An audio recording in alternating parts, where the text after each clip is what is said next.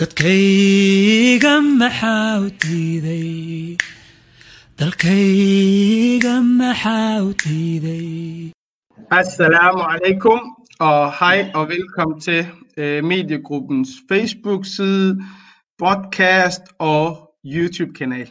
Øh, I dag har jeg fornøjelsen af at tale med tre somaliske kvinder, eller tre unge somaliske kvinder, er det ikke meget bedre, øh, hvor vi skal snakke om, hvad hedder det, medgift, social kontrol og ægteskabskontrakt.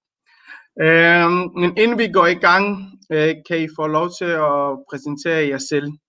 Så vi starter med dig, Ki- la- Ki- Ki- Karia. Karia. Ja, lad mig lige, jeg skal bare ikke gøre det. Mit navn er Karia, og jeg er frivillig i foreningen Søster mod vold og kontrol. Yes. Og den næste, det er Ayan. Jamen, jeg hedder Ayan Yasin. Jeg er til daglig så er jeg Ph.D.-studerende øhm, og bor i København. Hvad med dig, Amal? Vent, vent, vi kan ikke høre dig. Det, nu Ja, kan vi som godt sagt, høre jeg dig. hedder Amal Ali, og jeg er... Ja, okay. Jeg hedder Amal Abdi Ali, og jeg er som socialrådgiver. Det er godt. Super. Hvis vi lige starter med dig, Kari. Jeg kan aldrig udtale dit navn. Jeg meget Karia, bare lige ud af landevejen. Karia. Karia, hvis det er nemmere. Khairia, okay, det er meget nemmere, tror jeg. Øhm, I sidste uge var du og din søster ude i medierne, hvor I har talt omkring det her med medgift. Øhm, Mm. Der var artikler, og også øh, var I forbi God Aften Danmark øh, på DR. Øhm, kan du fortælle lidt omkring kampagnen, og hvorfor det er så vigtigt? Ja, altså øhm, det er vigtigt, fordi at øh, i foreningen Søster mod vold og kontrol, der er vi jo øh, flere medlemmer med forskellige baggrund. Somalier, araber, pakistanere, tyrker. Så omfanget af det her problem er stort i forhold til det mellemøstlige lande. Øh, så mus- danske muslimer i Danmark, som tilhører mellemøstlige øh, lande, der er det et kæmpe stort problem. Og der, jeg ved ikke, om I kan huske det, men de ægte skilsmissekontrakter, som var øhm, i medierne omkring øhm, kvinder, der skulle tilbagebetale øhm, medgift. Øhm, da den konflikt kom op, så blev der snakket meget om, jamen, hvad er det her medgift, og hvad betyder det? Og så har vi jo fortalt vores historie, Lella og jeg, og mange andre medlemmer i foreningen har også fortalt, hvordan de har oplevet det her. Og så kom vi jo frem til, at især min søster og jeg, vores historie var positiv, og det vil de gerne høre mere om, fordi vi har takket nej til en stor medgift. Vi har ikke takket nej til medgift det har vi ikke noget imod, men vi har takket nej til at få altså materielle goder, mange penge, guld osv. Øhm, så det er relevant, fordi der er mange kvinder, der oplever problemer med det her i forbindelse med skilsmisse, og fordi der er mange unge mænd, der ikke har råd til at betale store sum penge i forbindelse med medgift. Og bare lige for at afklare, øhm, vi ved godt ifølge islam, at det er en del af den islamiske kontrakt, at der er medgift med, men der står jo ikke noget om, at det skal være materielle goder af en bestemt værdi eller summe. Mm. Og det er det, vi gør opmærksom på. Hvorfor skal man betale 50.000, 80.000, 100.000, som kan være et problem for manden og kvinden. Mm. Så Ja. jeg ved ikke, om det var svar nok. Det må vi jo spørge Ayan om. Ayan, du har jo læst artiklen, og jeg har også sendt dig linket til Godaften øh, showet. Så hvad, hvad synes du i forhold til, hvad du har læst? Og Jamen, øh, det er noget nyt, at du øh, tilføjer, at I ikke har sagt nej til medgiften som sådan. Fordi i udgangspunktet i aftenshowet, så var det, så var det det narrativ, at øh, man skulle sige øh, nej til medgift og ja til kærlighed eksempelvis. Mm. Og for mig, så sad jeg der og tænkte, det lyder ligesom en parodi. Det ene udelukker jo ikke det andet. Øhm, og jeg kan godt se, at det er et problem. Jeg kan godt se, at det, at det kan være et problem i nogle kulturelle kredse. Mm. Men derfor var jeg også talt med dig, Mohammed, det var sådan, øh, er det ikke blevet sprængt ud i nogle øh, sådan store proportioner, som vi ikke kan genkende. Men hvor herre og fru Danmark tænker, og hvad herre Gud, altså Mathias Tesfaye har kaldt øh, ud fra jeres artikel og jeres udtalelser, øh, ægteskabskontrakten som øh, en bazarhandel. Ja. Og der savner Det, det, jeg straks, jeg, det synes jeg også var forkert ordvalg. Fuldstændig enig. Øh, vores, jeg vil bare lige øh, tilføje, at øh, den her kampagne med nej til medgift og ja til kærlighed, det var for at sætte tingene på spidsen for at få opmærksomhed på det. Men vi har flere gange, også i en podcast til øh, P4 Fyn, har jeg uddybet flere gange, at det ikke er medgiften i sig selv, der er problemet. Og, at vi ikke er, og jeg har også uddybet, at der i mange kulturer, at det slet ikke er et problem, for eksempel den somaliske kultur. Vi har ikke uh, udfordringer med, i forbindelse med skilsmisser, at man skal tilbagebetale en medgift. Og så der har været en lang opfølgning i forbindelse med det her, også på P4, hvor jeg fik lov faktisk at tale uh, i fred og ro og sige det, jeg havde på hjertet. Men jeg tænker, I er nok også bekendt med det her med, at uh, man laver et interview, man fortæller en masse ting, der bliver udvalgt nogle ting. Og det er så sådan, det må være. Øhm, og så kan det være, at vi har sat tingene på spidsen ved at sige nej til medgift og ja til kærlighed, men jeg er enig med dig, at det udelukker ikke hinanden. Vi skal bare ikke op i de store summer penge og materielle goder. Det er det, vi vil væk fra. Jamen altså, en ting er noget, undskyld, jeg bare snakker. En ting er at sætte noget på spidsen, men en anden ting er at udtale det, som om det er en eller anden ontologisk sandhed. At øh, du siger selv, at øh, det er ikke et problem i somaliske kredse, men alligevel er det din søster og dig, der stiller op og siger, det har vi sagt nej til. Mm. Og hvis jeg skulle øh, tænke i sådan her og fru Danmark mentalitet, vil jeg jo sætte de to ting sammen. Mm. Øhm, hvor jeg sådan, det ved jeg ikke med dig, men du må også bare hvor jeg sådan tænker, det sidder bare ikke rigtigt på mig. Altså jeg lytter til det, og jeg tænker bare, det er bare ikke, det er bare ikke, okay, jeg forstår godt i den journalistiske verden, ting som er øh, citater bliver taget ud af kontekst, men jeg synes også, det har du måske også gjort, når du havde haft de her opfølgningsinterview med P4 og det ene og det andet, at øh, når, når en øh, minister tager jeres kampagne, øh, hvad hedder det, tager det i, i, i sin egen varetægt egentlig, og gør det til sådan en politisk øh, øh, scenarie, så savner jeg lidt, at man også giver det lidt modspil. Øhm, ja, og, og, og det er jo det, jeg tænker, at det får man jo lov til her, og det er derfor, jeg er medvirk her, for at høre jeres version af det. Men man skal jo ikke negligere, at det er et stort problem i visse miljøer, bare fordi det ikke er det i det somaliske. At det ikke er et mm. kæmpe stort problem, betyder det jo ikke, at vi skal lukke øjnene. Det er det, foreningen handler om. Der er araber, der er tyrker, der er bosnier. Fordi at nogen ikke oplever det her problem på deres eget krop, skal vi jo ikke lukke øjnene og sige, når ja, vi er privilegerede, vi har det godt, jeg havde ikke store konsekvenser forbundet med det, så jeg siger ikke noget. Så, og jeg vil også lige tilføje, at skilsmissedelen er ikke et problem hos somalier, men medgiften fylder stadig noget, fordi så sent som i onsdags fik min mor et opkald og fik at vide, jamen hvorfor skal vi give vores døtre gratis væk? Bare ordet gratis. Vi fik at vide, jamen hvis de, var, hvis de gerne vil giftes gratis, hvorfor har de så ikke valgt somaliske mænd? Hvorfor bruge et ord, der hedder gratis? Hvorfor? Fordi hvis jeg er gratis, betyder det, at hende, der har fået medgift, hun er mere værd. Altså, kan du se det? Så mentaliteten skal man ændre, kulturændring i, hvordan vi taler om det, det er problemet i de somaliske miljøer. Og den er der stadigvæk. Men, Hvad men hedder det? Amal, Amal har ventet meget tålmodigt. Ja. Amal, øh, hvad siger du til det her? Altså, jeg må være ærlig, Ja, jeg må være ærlig. Også da jeg har læst jeres artikler, der tænker jeg, at øh, i somaliske der har, vi har ikke haft sådan nogle problematikker, øh, at, hvad hedder det, at for eksempel, at øh, nogle kan i de, hvad hedder det, voldelige ægteskaber, på grund af, at hun har svært ved at, hvad hedder det, tilbagebetale de medgifter, hun har fået af sin mand. Så, så, så der er mange, der har det sådan, som nu, når du har formuleret det, du omformulerer det og, og siger det, at, at det var ikke sådan mere, at, at I mente ikke sådan, at, at de sker i somalisk jord, men sådan at mere udbredt i mellemudstillede, hvad hedder det, folk fra mellemudstillede i, Danmark. Mm. Øh, og selvfølgelig, som du siger også, at hvis de finder sådan noget, selvfølgelig man skal snakke om det. Det er en, så er det en social, øh, social problem jo.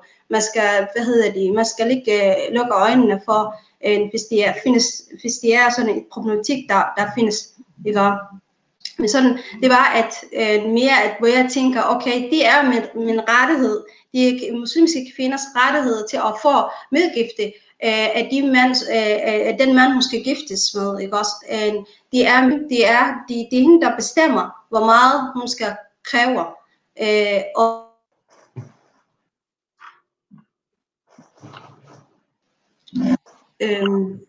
ja. jeg bliver lidt... Øh, ja, så, så jeg tænker, jamen det er min rettighed, så hvorfor skal nogen bestemme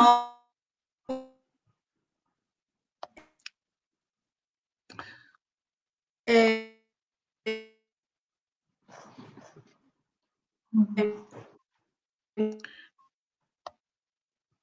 Kan, er det kun mig, der ikke kan høre hende, eller hvordan? Nej, jeg skulle også lige så spørge, men jeg kan heller ikke høre. Jeg er ked af det, Amal, men vi kan ikke høre dig. Men Øh, jeg synes, det er en god pointe, hun har, at det er kvindens rettighed. Jeg, jeg tænker bare på, jeg vil gerne lige uddybe den del af det, fordi i islam står der jo en vis beløb. Det er noget symbolsk. Og Mm. jeg kunne forestille mig en tid, hvor kvinder ikke øh, havde, øh, var uafhængige økonomisk, at det betød noget, den her medgift, at det havde en vis øh, beløb, så hun kunne øh, bruge det på sig selv, og i, i tilfælde af, at man blev skilt, så har hun sikkerhedsnet. Det er også noget af det, vi prøver at gå væk fra, fordi vi ved, at kvinder i Danmark, især somaliske kvinder, de tager uddannelse, de arbejder, de har jo ikke Mm. brug for, at en mand skal betale noget for dem. Ja. Så medgiften kan jo være noget symbolsk, det kan være en gave, det kan være bryllupsrejse, det kan være hvad som helst. Der, det behøver bare ikke være en fast beløb, som øh, man skal give dig. Så Og det er det, du, i får ligesom- princippet, øh, du er i princippet ikke imo- imod medgiften. Det er Nej, mere jeg ved ikke, om man kan sige, jeg vil gerne, jeg vil gerne have, at vi tænker over, hvorfor skal det være et bestemt beløb for det første. Fordi kvinder har ikke brug for det længere. Hvorfor kan det ikke være en gave? Det skal Men være er, er, der, er der et bestemt beløb, man skal betale? Igen mellemøstlige miljøer. Og jeg ved også, da min bror blev gift i sin tid, så skulle Ja. han af med 80.000. Ja. Og det kan jo godt være, at det var lige den familie, der havde besluttet det. Mm. Øhm, jeg ved jo ikke 100% hvor, hvor højt beløbet er i det somaliske miljø, men jeg, har, jeg havde bare et ønske om i fremtiden, at man kunne tale om medgift som noget, der er mellem gommen og bruden, noget betydningsfuldt for de to, og ikke noget familier skal blande sig i, hvor meget det skal være. Og, og, og så skal vi væk fra det her med, at hun er blevet givet væk gratis, eller det ene, vi skal ikke tale om det på noget. Det er jo det, mit ønske er. Og så helt sikkert det her med de kvinder, der oplever store problemer med det her, måske oplyse dem, hvilke konsekvenser det kan have for dem. Det kan være, at du får 80.000 i dag, og fedt, du har shoppet for det. Jamen, hvis du så skal tilbagebetale det om fem år, fordi ægteskabet går ikke, I skal skilles, det kan have konsekvenser, det kan afskrække mænd Men, fra men, øh, men er, det, er det noget, man gør? Det er fordi, det er lidt svært at forholde sig til den mellemøstlige kultur, fordi Ja, jeg kan komme vi konkret. ikke Ja, I arabiske miljøer er det meget udbredt. Vi sidder med Ja. mange sager, hvor de her kvinder, i foreningen er der også flere af de her kvinder, der ikke Mm. kunne komme ud af et ægteskab, fordi Mm. at de skulle tilbagebetale nogle penge, de fik for måske 10 år siden, som de har brugt. Fair nok. Men hvorfor, hvorfor er det dig som somalier, som ikke oplever det her ting, der går ud i medierne, frem for de kvinder, der reelt set oplever problemerne? Ja.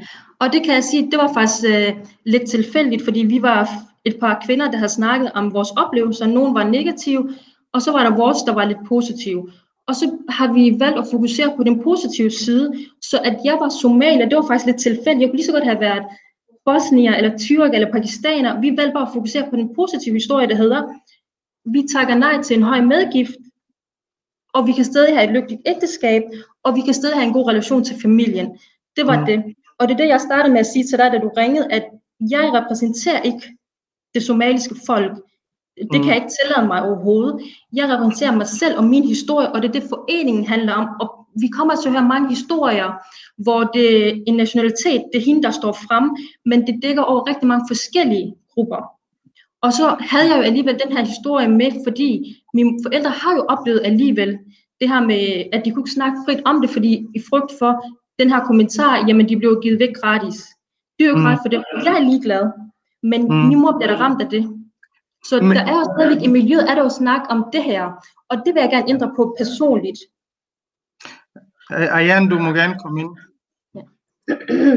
Øhm, igen, det er, øh, jeg ved ikke om det var for mig, men det er lidt nyt, at du siger, at de takker nej til en høj medgift, og ikke til en medgift. Fordi der ligger en kæmpe, kæmpe stor distinktion. Mm. Øh, og når du siger en høj medgift, så tror jeg, alle er enige med dig. Øh, så det jeg lyder lidt som, ja, ja, lad mig snakke færdigt. Ja. Jeg tror, at øh, de fleste vil være enige med dig, fordi det ligger hverken i vores kultur eller religion at skulle gøre det til noget besværligt som sådan. Og det siger du også selv, kontekstuelt. Der er ikke noget bevis for, at det skal være 80.000, 50.000. Jeg personligt har aldrig hørt om en medgift på 80.000 kroner. Øh, og dit argument i forhold til, at hvorfor skal det være noget, der er gratis? Og det er i sig selv et problem, hvis man begynder at vægte kvindens værdi i kroner og øre. Og jeg tror, det er der, det går galt. Og jeg tror, det er der kampen ligger, at vi skal ligesom øh, øh, sådan gentænke det narrativ, vi har omkring medgiften. Fordi hvis kvinders værdi skulle måles i kroner og øre, vil, øh, du ved, øh, de kvindelige sahaba jo være billige, og det er de jo ikke. Lige præcis, ja. Og det, Så det, det er også... Mm. Så det, er ikke, så det er ikke som sådan en islamisk udfordring. Mm. Og det er som sådan heller ikke et somalisk udfordring. Jeg tror, at der ligger en eller anden øh, kulturel forvirring omkring, at man internt skal konkurrere med hinanden. At min datter fik det i medgift, hvad fik din datter det i medgift? Og det handler om folk, der ikke har noget at skulle snakke om i sidste ende, eller ikke have noget at have det i. Mm. Men det er jo det, vi altid har sagt i foreningen. Det kan godt være, at det er den artikel, I fokuserer på, hvor der står noget bestemt, men hvis I lyttede med på God Aften Live, det var præcis det, der blev sagt med at medgiften, det er den islamiske medgift, vi angriber eller kritiserer. Overhovedet ikke. Der var også en arabisk øh, mand med, som også fortalte, at han har betalt så, så mange penge, men han vil aldrig opfordre nogen til det. Og vi var alle sammen enige om, det er ikke den islamiske med, medgift. Tværtimod, vi vil gerne vende tilbage til den. Det er den kulturelle medgift, vi gerne vil væk fra. Og det har vi sagt flere gange, og det er ærgerligt, at folk kun har fokuseret på, det er noget med muslimer, det er noget med somalier, så har man bare fuldstændig lukket ned, og det var slet ikke vores hensigt. Og det er det ikke, og det er derfor, jeg er glad for, at jeg kunne komme med her for at uddybe det. Mm. Men hvis jeg lige må, sådan udfordring ligger ikke i, jo, i din hensigt, fordi du mener sikkert godt, det er slet ikke, jeg er slet ikke i tvivl om, at du mener, at der er nogle mennesker, der har det her problemer, og det skal man gøre noget ved. Øh, folk, der har skrevet til os, de, de skriver jo, at det her det er ikke et øh, somalisk problem. Hvorfor er det to somaliske piger, der i god aften showet, der snakker om et problem, som ikke vedrører Somalia? Fordi i artiklen står der jo to somaliske søstre. Der Ja. står jo Og vi kan ikke gøre for de somalier. nej, det kan jeg ikke gøre for, men, men det andet ting, det er jo øh, i artiklen, og også i God Aften Danmark, og også din, øh, øh, jeg ved ikke, om hun er jeres forkvinde, eller om det er jeres, Abdullah, ja, ja, hun om er det er medlem. Ja, ja hun, som også var med, ja. Hun nævnte jo nej til medgift. Det, var jo ikke, det er jo ikke nuanceret, ligesom du siger. Mhm. Altså det her med det beløbet, I er utilfreds med. Ja. Så kunne I Ja. måske have gjort noget for at gøre jer mere forståelige, og- eller er du ikke bange for, at du bliver brugt politisk? Jo, helt sikkert. Vi kan have gjort meget, og det er derfor, jeg har sagt ja til samtlige. Jeg var overhovedet ikke forberedt på at komme med det ene og det andet sted, men jeg har sagt ja hver eneste gang i håb om, at jeg kunne få lidt taletid til at uddybe det her. Fordi internt i gruppen har vi snakket rigtig meget om det. Hver gang vi har siddet sammen, har vi Mm. snakket om, det er ikke medgiften, vi er imod, det er den høje medgift. Ja, og det med, at jeg er somalier, det var rent tilfældighed, fordi vi er en del af en stor forening, hvor der er rigtig mange forskellige piger. Næste gang er der en kampagne, så er det måske en arabisk pige, der står frem. Hun bliver angrebet, fordi jamen, det er jo araber, du øh, kritiserer. Nej, det er det ikke. Det er et øh, problematik, der omhandler dansk muslimer, mellemøstlige, somalier. Det er mange mennesker, der omhandler, og så er det tilfældigvis en pige, der bliver udvalgt, fordi hun har en historie, som vi tænker, den vil vi gerne dele ud. Og vores historie var faktisk øh, for at være positiv, og ikke endnu en. Der er mange, der skriver offerrollen. Nej, vores historie var faktisk en stærke kvinder, der siger nej tak til høj medgift. Det var det, vores hensigt var. Det, I stedet for at tage endnu en, der, men jeg har oplevet det her, der blev krævet medgift af mig, da, da, da. det vil vi væk fra, fordi vi vil gerne have, at kvinder føler sig stærke, og de kan sige, jamen jeg bestemmer selv, hvad jeg skal have i medgift. Mm. Og det skal siges, at jeg har fået medgift. Jeg fik et lille beløb, som vi har doneret til, hvor mine forældre kommer fra i Somalia. Ja, men det er det, jeg ønsker, at det skal være noget personligt, man beslutter sammen. Og mm. vi skal ikke tale om det som noget beløb, eller guld, eller stor fest osv. Og fordi det ikke er et stort problem hos Somalia, vil vi stadig gerne snakke om det. Mm. Øh, vi skal lige sige uh, velkommen til Hanna. Velkommen til Hanna. Øh, Hej. Hej. Hanna, hun arbejder som uh, socialrådgiver, men har også beskæftiget sig med social kontrol også. Um, vi kan også lige høre, hvad du mener, Hanna, selv, når du har, uh, du har jo set det her med medgiften og aftenshowet. Uh, hvad tænker du? jeg tænker, at det, der sker, det er, jeg forstår godt din intention, jeg godt kan, Karia, og jeg kender godt til jeres forening. Øhm, Jeg arbejder i krisecenter, og dengang, hvor vi skulle til at starte i gang i jeres organisation, så fik vi jo alle sammen nogle mails. Øhm, Og jeres værdier lyder af, at det er søsterborgerskab, medsøsterskab, Øhm, og jeg, jeg, jeg er ked af, at du har en oplevelse af, at du bliver direkte angrebet, fordi det er ikke det. Det er negative sociale responser på det, på den diskurs, du taler ind i, som, fordi at den ikke er nær så nuanceret, som du jo gør det til nu, men fordi at du, det var så indsnævret, som det var, så lægger det i hvert fald op til, at der på et rent politisk niveau bliver åbnet op for en masse forforståelse, fordomme, og de taler direkte ind i noget, som er brandfarligt. Og jeg ved Mm. nemlig præcis, at Odense Kommune jo har haft en handleplan siden 2016, omhandlende lige præcis negativ social kontrol, og der har været ekspertergrupper, der har været nedlagt i kommunen. Og de er jo kommet med deres øh, anbefalinger. En af anbefalingerne var nemlig lige præcis, at man skulle øh, inkludere nærmiljøet Mm. øh, og nære samfundet. I, I har en organisation, der er bestående af 30. Hvis man tager udgangspunkt i jeres meget personlige narrativer, og man gør det op til en generel ting, det er der, hvor det går ind og bliver rigtig, rigtig farligt. Og det er det, som jeg tænker i hvert fald, at der er rigtig, rigtig mange mennesker, der reagerer negativt på. Mm. Men vi har ikke noget imod, at det går hen og bliver lidt farligt, fordi vi vil gerne have sådan nogle dialoger i gang.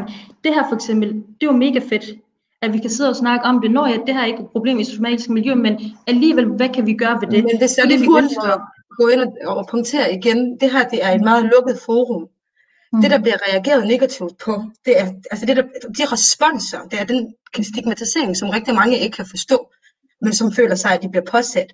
Det er, at lige pludselig så bliver jeres kampagne en del af en større forståelse fra regeringens Mm. side af, at der er den her kamp øh, og frigørelse blandt de muslimske kvinder, hvor vi har brug for hjælp fra Mm. regeringen, før at vi kan blive frigjorte. Det har Ja. vi så absolut ikke. Som sagt, som uh, Mohammed kom ind på, så har jeg altså haft en forening, siden jeg var 15 år, hvor vi aktivt har gået ind og arbejdet omkring negativ social kontrol, før handleplanerne kom, før der var det hele tiden politisk fokus. Og vi har lykkes i det i Aalborg Kommune på en rigtig, rigtig positiv måde, men det har altså været med fuld inklusion i de forskellige grupperinger, men samtidig med, at det har været meget skarpt på definitionerne og skældet mellem kultur og religion, og hvornår det er, at problemet er et problem, og i hvilke miljøer det er, og i hvilket omfang det er. Ja. Og helt sikkert, der er der noget arbejde, der skal gøres bedre. Fuldstændig enig. Men det skal jo siges, at vores forening er jo tæt dialog om politikere. Og vi snakker jo hele tiden om nærmiljøet. Der er ikke nogen af os, der ønsker lovgivning på det plan. Vores opfordring er altid støt foreninger, støt dem, der sidder med det, støt de mennesker, det handler om, og hele tiden snakke med dem og ikke snakke om dem. Og ja, nogle gange kommer der noget i medierne, som bliver kørt helt op, og politikere blander sig, det lyder forkert, folk bliver stigmatiseret. Desværre er det nogle gange en del af det, men det er jo ikke vores hensigt. Vi vil gerne have en debat i gang, og derfra vil vi gerne uddybe, nuancere. Og når vi er, vi er jo selv personligt i dialog, vores medstifter er i dialog med politikere, Mathias Tesfaye, og når vi sidder med ham, så er det jo ikke fordi, vi tænker, yes, lad os uh, lovgive omkring det, lad os gøre det. Nej, det er jo ikke det, vi opfordrer til. Vi vil netop have, at han lytter til os. Det hjælper ikke noget, det der. Vi skal snakke med de kvinder, de skal selv have lov. Ændringen skal komme nedfra. Ja, men Så ja, jeg er helt sikkert med at vi skal må have noget, der skal det her miljø. Ja. Hvis jeg lige må have med, at komme en lille pointe her til sidst. Ikke? Øh, intentionen er igen rigtig, rigtig god. Tanken har været rigtig, rigtig god, men det har bare medført, at lige præcis, at Mhm. Mathias Frey har taget vagten og løbet med den, og nu bliver der snakket omkring lovgivninger i forhold til medgift og ind fra et mærkeligt bekymringsram, der hedder, fordi at de to kulturelle drenge bliver økonomisk negativt påvirket af det, ikke? Og, altså det ene medfølger det andet, hvis det ikke er, at det, der bliver sagt, bliver sagt nuanceret nok. Det er det eneste, som jeg kan appellere til i hvert fald jeres forening, nu hvor du er repræsentant i det. Fordi vi er altså nogle af os, der har arbejdet aktivt plus 15 år for den her feministiske muslimske kamp, der er i kvindemiljøet, uden at det har været aktivt regering, der har hjulpet os, eller hvor vi har haft behov for det. Ja. Men det taler bare det- det, det det, hører- det, arbejde, gode der bliver gjort. Undskyld. Ayan har været meget stille. Det, de ligner ikke Ayan. Kom ind, Ayan. Du må gerne sige. Velkommen. Velkommen til. nu vil jeg godt lege djævelens advokat, fordi det er jo et dilemma.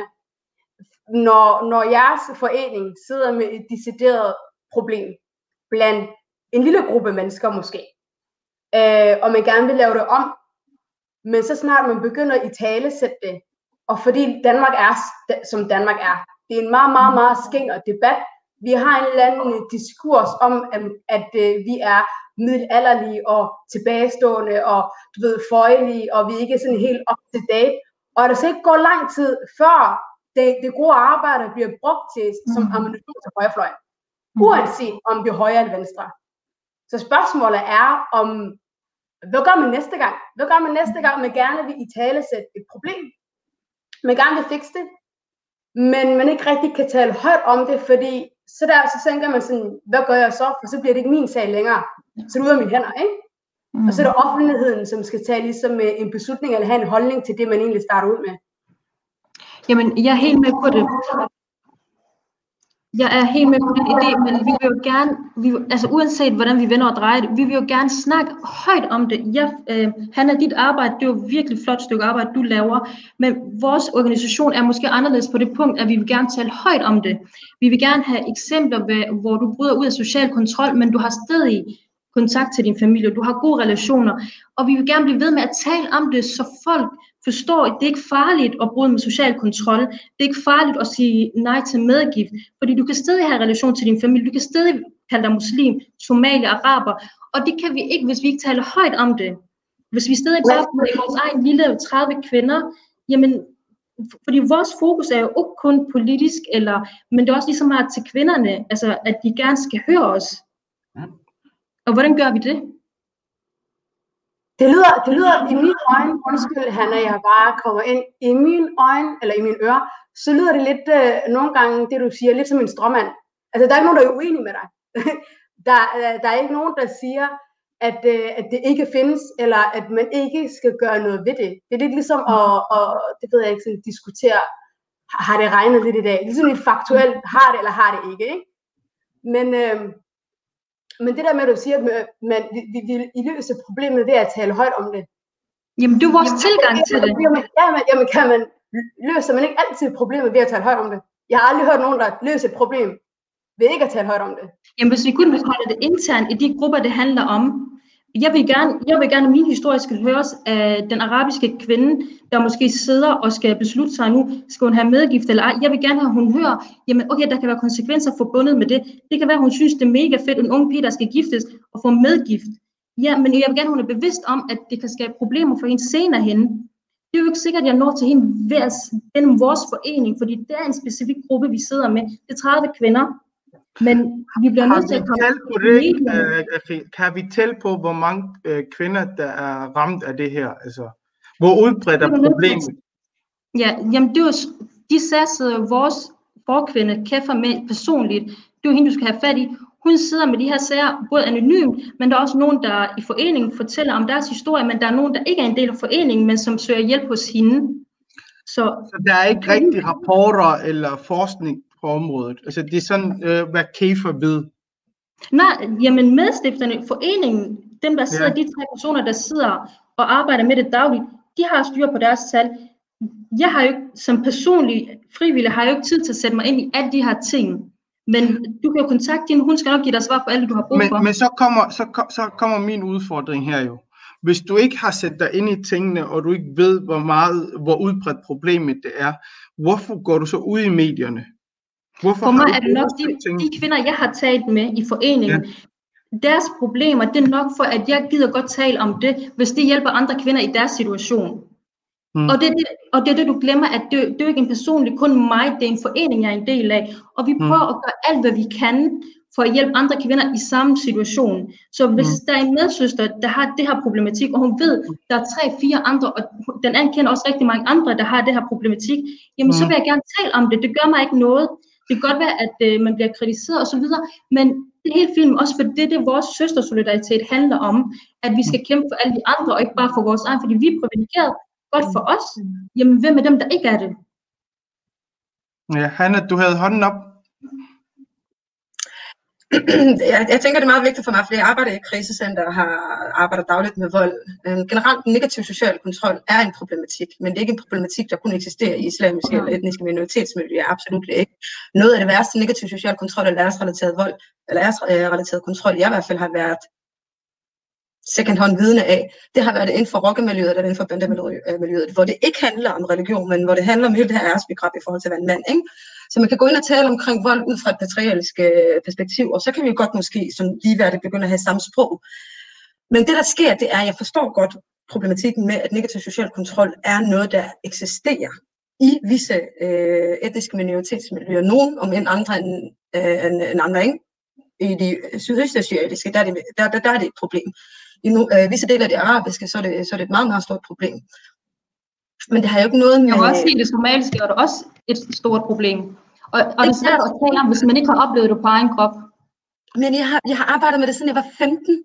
Ja. Men Men, har du så nogle nu snakker jeg eksempler? ikke om den voldelige. Ikke? Og så lige, lige bare lige for ganske kort igen, øh, bare lige for at jeg kan trække på min professionelle erfaring, så har jeg arbejdet i et krisecenter i, øh, i to år nu. Vi har rigtig mange kvinder, vi har rigtig mange rådgivninger. Vi deler ikke vores kvinder op i etnicitet eller noget som helst, men majoriteten af kvinderne, der bliver indlogeret på vores to krisecenter, er, et net, er, er dansk ophav. Den anden store gruppering, det er det, hvad vi definerer som migrantkvinder, fordi vi tænker, at der er behov for, at der kommer til at ske en politisk differentiering imellem etniske minoritetskvinder og migrantkvinder. For migrantkvinder, det de har til fælles, det er, at de alle sammen har en etnisk dansk mand. Så der kan man tale omkring negativ social kontrol og økonomisk vold og alle mulige andre ting. Men i den periode, jeg har været der, så har der ikke været særlig mange øh, somalier. Og det er ikke, fordi jeg aktivt har en eller anden national idé med, at jeg skal forsvare alle somalier. Hvor fanden skal jeg ej? Ikke, fordi jeg er passioneret omkring vold mod kvinder, uagtet om det er Okay. alle Jeg former for vold. forbi hinanden. Der har ikke været særlig mange tilfælde af negativ social kontrol i de somaliske miljøer. Sådan som jeg i hvert fald øh, kan genkende det i Nordjylland, hvor vi aktivt har arbejdet med det, både på et højt politisk niveau, men så sandelig på kommunalt niveau, men også sammen med kommunerne. Øh, øh, og, og skolelærerne og pædagogerne, hvor vi har været med til at give dem redskaberne, fordi vi har været det bindeled, det har, vi har været talerør. Vi har den kulturelle forståelse, samtidig med, at vi har den samfundsvidenskabelige forståelse af Danmark, samtidig med, at vi også har den videnskabelige tilgang til det. Så har vi gået ind, talt med forældrene. Forældrene, det de har haft behov for, det er, at de har behov for tryghed. Så snart de har fået den tryghed der, alt det, der bliver kaldt for negativ social kontrol, var forsvundet. Men igen, det jeg i hvert fald kan genkende rigtig, rigtig meget, som jeg hører fra forældregenerationen, det er, at de tør ikke opdrage på deres børn. Mm. Jeg har dagligt, nej, ikke dagligt, ugeligt møder eller samtaler med mødre eller fædre, der spørger mig, hør, hvordan skal jeg gøre det her? Fordi jeg kan ikke opdrage på mit barn. Jeg tør simpelthen ikke at sige til lille Mohammed eller lille Aisha, du skal komme hjem klokken 9, og nej, du må ikke have en kæreste, fordi så bliver det øh, opfattet som negativ social kontrol. Igen, så skal der være forskel på, hvad der er familiemønstre. Fordi familiemønstre, hvordan de forstås, er igen defineret af samfundet. Og hvis det skal være den danske samfunds forståelse af, hvad der er rigtig eller ukorrekt opdragelse, så er vi inde i noget helt andet, end vi er inde i integration. Så er vi inde i assimilation, og så er der ikke noget, der hedder samarbejde eller dialog. Så prøver man ikke at forstå individet. Så prøver man at skabe identitetsforstyrrelse og identitetssplittelse. Jeg er dagligt blevet kaldt ind af skolerektor og pædagoger og socialrådgiver og blevet spurgt, om jeg bliver udsat for social kontrol derhjemme. Hvorfor? Fordi at min mor Hey. Hanna, vi kan ikke høre dig. Øh, Nå, undskyld, men min mor fratog mig ikke nogen som helst øh, medbestemmelse i de fællesskaber, jeg skulle være en del af. Hun har ikke frataget mig min medbestemmelse til at finde den person, jeg gerne vil have. At andre mennesker så har stilling og holdninger til det, det eksisterer i et hvert samfund, uanset etnisk ophav. Du kan tage til Nordvestjylland, og så kan du prøve at gå og sige, I'm gay and I'm proud, og se for nogle ting, der bliver talt omkring dig og din familie.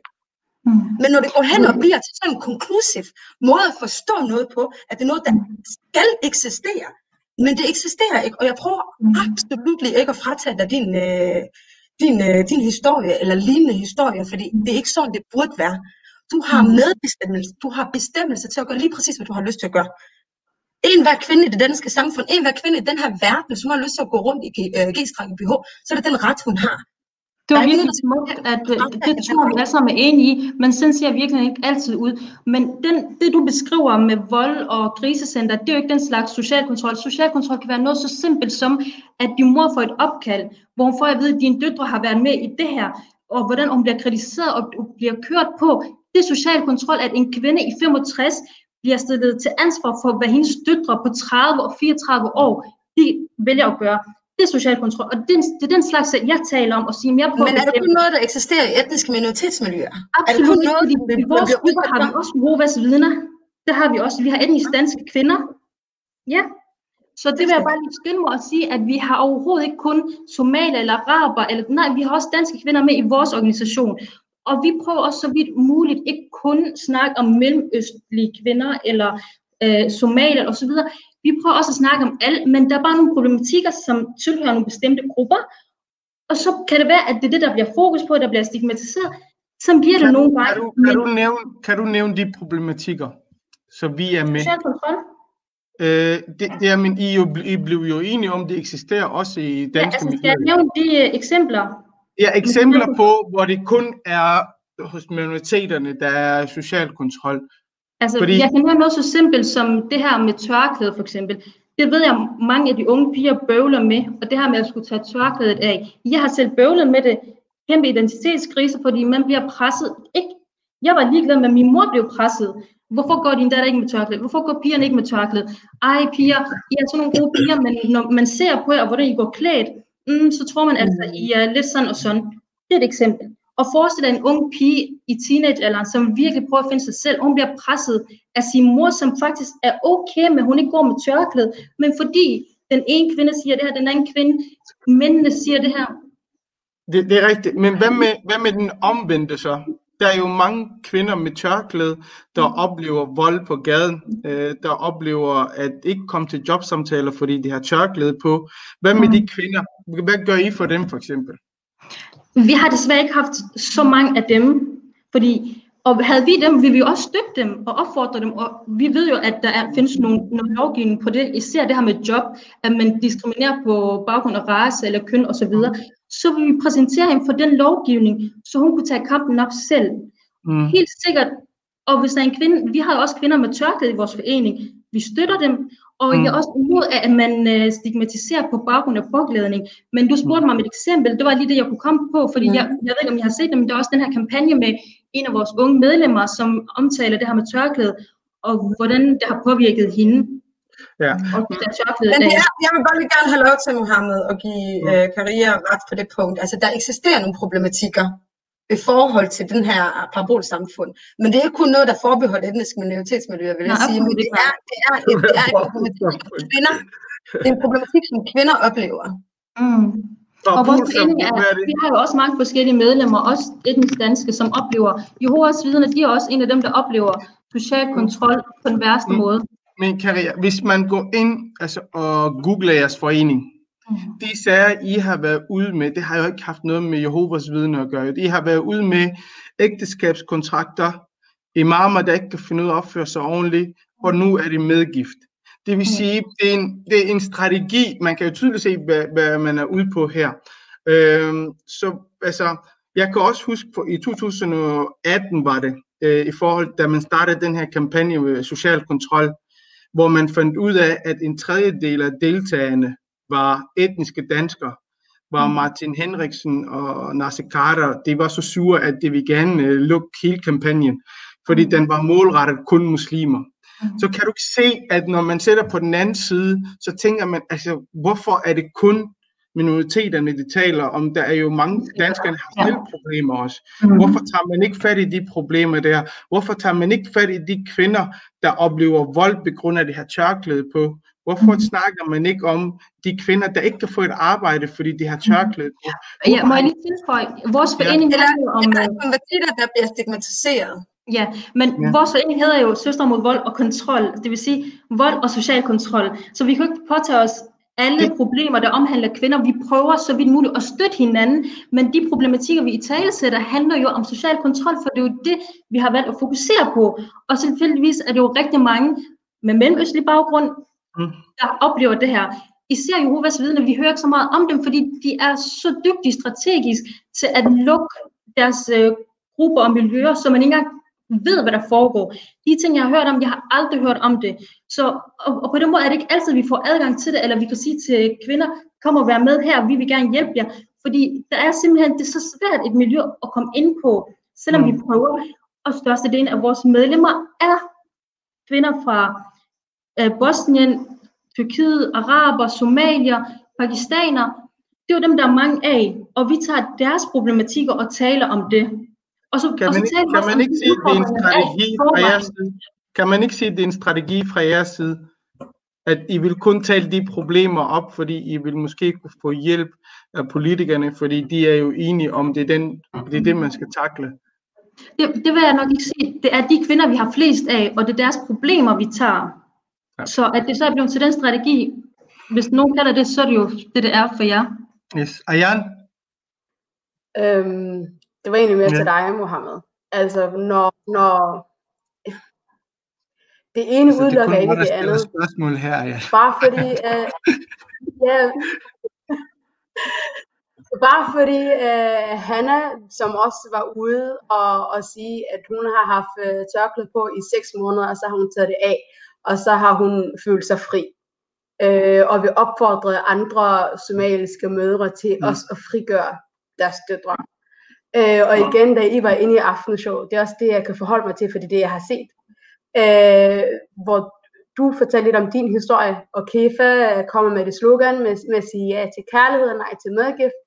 Øh, verden, hvis navn jeg ikke kunne huske, hvor hun også siger, jamen øh, det lyder det næsten som en menneskehandel, og ham med den der sweater kalder det som øh, er det fortiden, der prøver at indhente os. Det er fint, man gerne vil gøre en forskel, men jeg synes ikke, man skal være naiv til at tro, at man ikke taler ind i en diskurs. Man taler ind i en diskurs, og det giver, og det giver politisk pondus. Det gør, at Mathias Tesfaye lige pludselig har tid til at komme ind og sige, jamen det her, det kræver jo, at vi går ind og ser, om regeringen kan gøre noget. Der, der skal meget, meget, meget lidt til. Øh, selvom vi, vi mennesker, vi har mange problemer. Jeg siger ikke, at vi ikke skal tale problemerne ned. Vi har hellere talt dem op. Men der, hvor jeg sidder og tænker tilbage, det er, som jeg også sagde tidligere, det er, det, det er et klassisk dilemma. Fordi doomed if you do, doomed if you don't. Altså uanset, hvordan du vender og drejer det, der vil altid være konsekvenser. Mm. Taler du ikke op på offentlig plan, øh, jamen så, så når budskabet måske ikke ud til de folk, man gerne vil snakke om. Taler man om det offentligt, jamen så er der højst sandsynligt mulighed for, at det bliver brugt som ammunition mod sit eget bagland. Mm. Og så står man der lidt splittet, fordi hvem, hvem, hvem taler du egentlig for? Mm. Øh, hvem taler du med? Og hvem taler du på vegne af? Og hvem fuck har givet dig den, øh, undskyld, den, Du må ikke bande her. undskyld, øh, den scene, altså det er en scene, man, man, man selv er med til at konstruere, ikke? Og jeg forstår 100% dit dilemma. Jeg sidder også og forsker i det somaliske mindretal. Jeg sidder og snakker om migration og statsborgerskab. Og jeg tænker, når jeg engang afleverer min afhandling, best believe, der også kommer noget lort ud af det. Mm. Ikke? Og det fortæller måske ikke så meget om det arbejde, du gør, og det arbejde, jeg gør, eller det arbejde, han laver. Det taler om den tidsånd, vi er en del af. Ja. Og jeg tænker, man kan sagtens være på forkant ved, at når man sidder i, øh, i et rum, hvor, øh, hvor ens kampagne bliver lidt brugt mod en, øh, og, man bliver, og det bliver brugt til sådan noget politisk maskineri, at være meget, meget hurtigt på aftrækkerne og sige, nej, det er slet ikke sådan, det skal forstås. I øjeblikket, i det minut, det bliver sagt. Hvor jeg tænkte, det vil godt være, at det var aftenshow, og det var begrænset, hvor meget man kunne sige. Men der savner jeg lidt, at man siger, det er slet ikke sådan, det hænger sammen. Det er ikke det, vi siger. Det, jeg siger, det er X, Y og Z. Øh, og, og, og, og jeg vil ikke stå til model for, at du skal bruge vores kampagne, der er målrettet udsatte og sårbare kvinder, at vi skal i tale til de her problematikker. Men jeg synes bare ikke, at man skal være, være, være så naiv eller idealistisk og sige, jamen vi vil jo kun noget godt. Mm. Jamen ved at gøre noget godt, er du også med til at harme andre mennesker. Ved at du siger noget, er du også med til at stigmatisere andre mennesker. Ja, Ikke men kun dig, men det, det er uanset, hvad man taler om. Det kan godt være, at vi stigmatiserer, men vi kan også bare åbne op for dialogen. Det her, der er en, der skrev til mig med en masse god information om, at det her var ikke et problem i det somaliske miljø. Tal højt om det. Skriv om det på Facebook. undskyld, Tal ud af din oplevelse. Maria, Maria, Der er ikke hvorfor nogen, er det? Nej, nej, Du undskyld. må gerne deltage i debatten er på det, offentlig at- plan. 100 procent. Men okay, det danske medielandskab, det har jeg sagt til Mohammed, det er folk som os, eller generelt mennesker, de får tre platforme. Mm. Enten bliver du inviteret ind som en case. Du ved, der er en ny lovgivning. Du, man spørger dig som en brun kvinde, hvad synes du, hvad føler du, hvad tænker du, hvordan har du om det her? Og så skal du åbne op omkring dit liv og forsvare din fucking eksistens. Okay? Nummer to, den anden scene, vi typisk får, hvis vi er heldige, det er, at du bliver inviteret ind som en ekspert, en brun ekspert, men hvor du stadig skal tale om minoritetsrelaterede problematikker. Ja. Okay? Nummer tre, den scene vi aldrig får, det er, at du bliver talt ind, altså hvor du bliver inviteret ind, lad os tale om global opvarmning. Lad os tale om 2020, EU har lavet syv års budget. Hvad, hvad foregår der på den europæiske plan? Øh, hvad er din holdning til Brexit? Så nogle ting, der vedrører dig som en samfundsborger, som en demokratisk samfundsborger, der også er interesseret i, hvad fanden der foregår rundt omkring en, ikke? Og hvad, Men er, når hvad er man- så jeres budskab til foreningen, hvis vi skulle ligesom runde af her? Hvad, hvad kunne I tænke at se mere? Hvad skal vi gøre bedre? Hvad er jeres budskab? Nu er det jo jer, I føler, vi har talt om. Jamen, hvad er jeres budskab til os? For nu har jeg talt meget om, hvad vores budskab er, hvad vores ønsker og intentioner er. Jamen, hvad kunne I tænke jer, at vi, hvordan skulle vi gribe det an næste gang? Fordi der er jo At I, helt sikkert plads til at I forbedring. måske, at I måske være mere nuanceret, at I brugte forskning. Øh, at I, altså for eksempel, der har jo været en rapport, hvor man har interviewet 53 etniske minoriteter, tror jeg, hvor man snakker med dem omkring social kontrol. Øh, rapporten så peger på, at en af løsningerne kunne være lidt mere viden inden for islam. Mm. Og så går man ind og fjerner rapporten fra hjemmesiden, øh, ved, hvad hedder det, Integrationsministeriets hjemmeside. Så der er nogen, der har interesse i at problematisere det her, og så Helt kommer du, ja, så kommer du, der har en ren intention, der vil gerne hjælpe nogle kvinder, men bliver brugt i den kamp der. Mm. Så jeg tænker mere nuance. Hvorfor skal man kun snakke om social kontrol, hvis man vil hjælpe kvinder? Der er jo også andre udfordringer, som Mm. mm. minoritetskvinderne sidder med.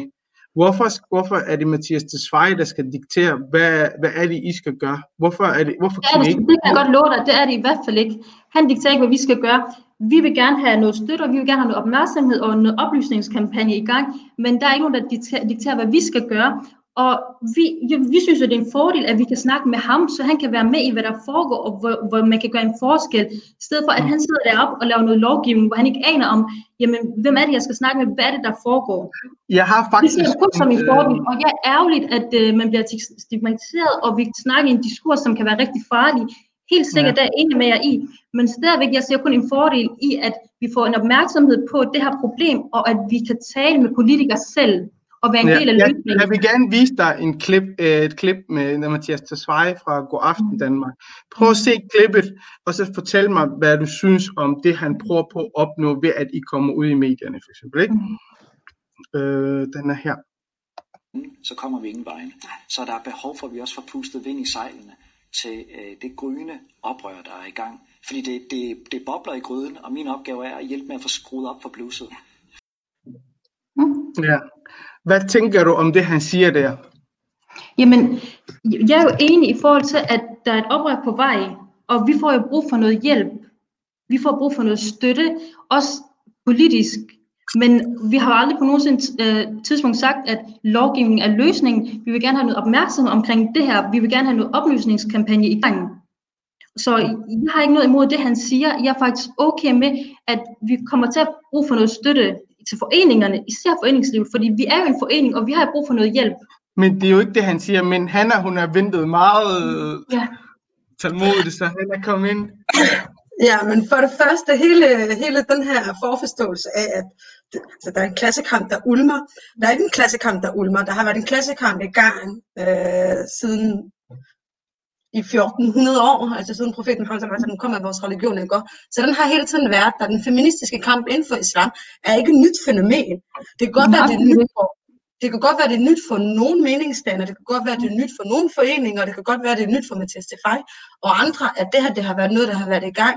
Men igen, helt tilbage i 2011, tror jeg, 12, der lavede vi en, en, en kampagne i samarbejde med AIDS-fonden, lige præcis i forhold til alt det her, som Mathias Tefaj nu gerne vil lave alle mulige ting omkring, hele den her koncept med omkring myten omkring mødom. Myten omkring mødom er blevet afkræftet, og den stadigvæk lever i visse samfund, er en problematik i visse samfund. Det er ikke et socialt problem, det er ikke nationalt anlæggende, det er ikke noget, hvor der skal være et intens fokus på.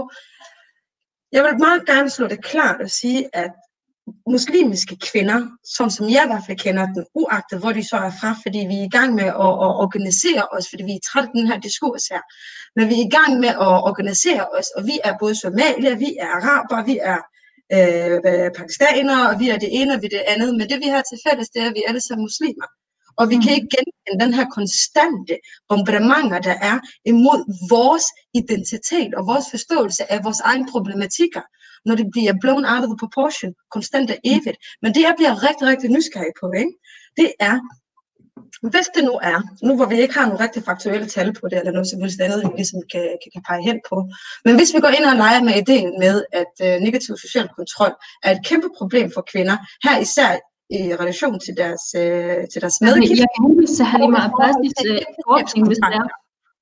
Så vil jeg bare gerne vide, hvordan kan det så være, at landets krisecenter ikke er overrendt med, med, med kvinder, der søger væk fra negativ social kontrol. Hvordan kan det være det første i 2020, at ægteskabskontrakter det, det hele taget bliver en problematik, når at der har været muslimske kvinder i dansk samfund siden 1960'erne? Enten så er det fordi, at man ikke har, har lukket, hvordan det lukker, det er et helt samfund, du efterlader. Det, det kan være, det er dine forældre, det er dine søskende, det er din familie, du efterlader. Og det er derfor, det er så utrolig svært at bryde ud af det. Og det er jo bare, og det er jo det, vi oplever tit gang på gang, at der er mange, der holder igen, og der ikke siger noget, der ikke tør bryde ud af det, fordi det simpelthen er så Men er svært. det, og de historier, man hører, er er det, er det den negative sociale arv? Undskyld. Er det, det, er det negativ social arv, eller er det den negative sociale kontrol? Vi snakker om negativ social kontrol helt sikkert. Og Hvordan det, differencierer du imellem? Fordi for mit vedkommende, så har jeg i hvert fald meget svært ved at se, hvad det egentlig er, I beskriver som negativ social kontrol. det er netop det her med, at eksempelvis, at min mor bliver stillet til regnskab for, for noget, jeg gør. Nu, nu har jeg jo så valgt at gå min vej, og jeg har en familie, der er meget forstående, men lad os sige, at det havde jeg ikke. Det er utrolig svært at sige farvel til sin familie og hele det samfund, man kommer fra. Men hvordan er det så et problematik for andre kvinder? Hvordan er det så et samfundsproblematik?